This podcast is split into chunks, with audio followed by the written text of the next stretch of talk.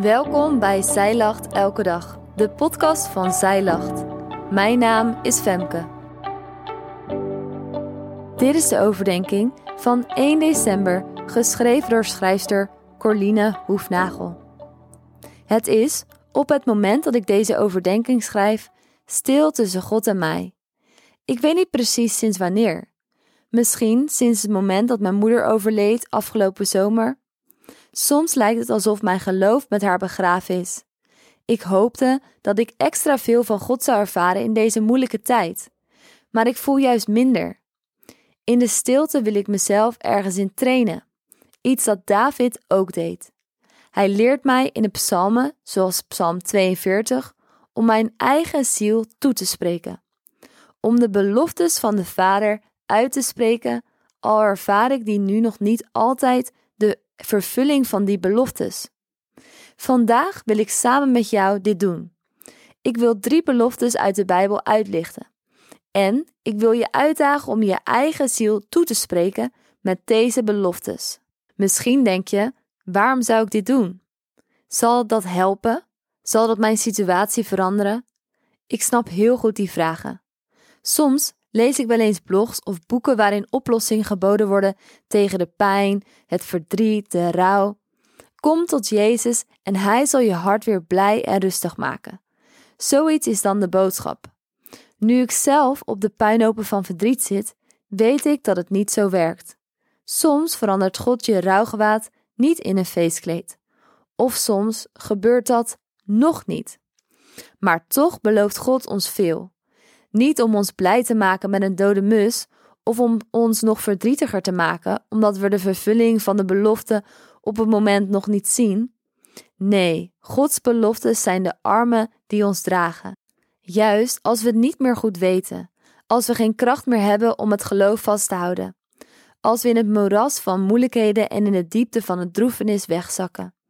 Daarom wil ik je uitdagen om mee te doen en je eigen ziel toe te spreken. Je hoeft jezelf niet overeind te houden. Je mag vallen in Gods armen. Terugvallen op Gods belofte. Als eerste, in Jesaja 42 vers 3, staat het volgende. Het geknakte riet zal hij niet verbreken. De uitdovende vlaspit zal hij niet uitblussen.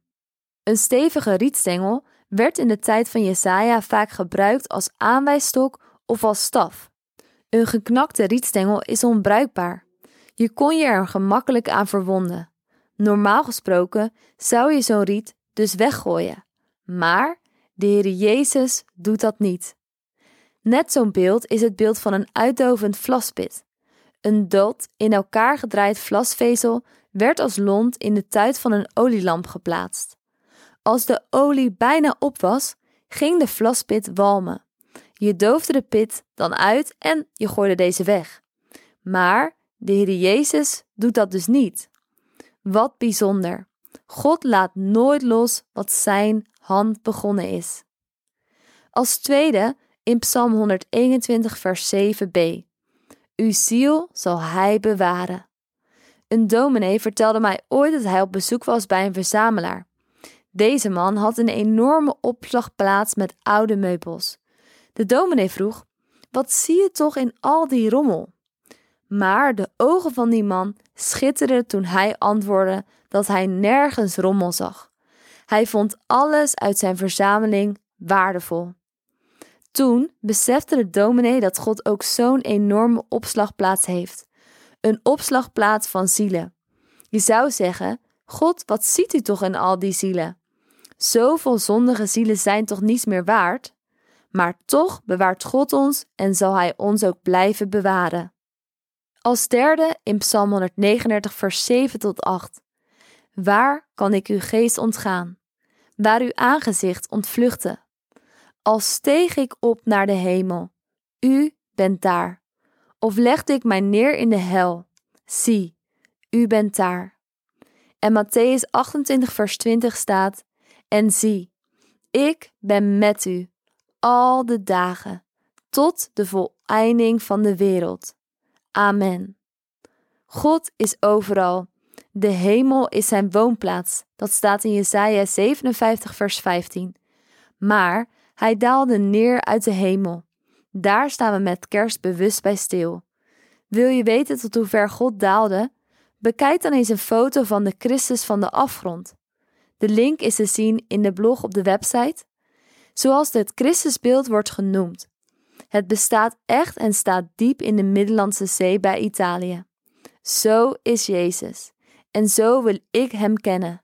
Hij is niet alleen op de bergtoppen, maar ook onder water. Bij hen die verdrinken. Bij hen die het hoofd niet meer boven water kunnen houden. Met zijn handen uitgestrekt, want daarmee wilt Hij ons dragen. Hij is er, verborgen, maar toch ergens. Al zwijgt Hij misschien, Hij is aanwezig. Voordat je gaat, heb jij altijd al eens de hele Bijbel willen lezen, maar lijkt het een te grote opgave? Wij helpen je graag door het in 2024 samen te doen. Doe jij mee? Bestel nu de Zij Lacht Bijbel in één jaar of download het gratis leesrooster.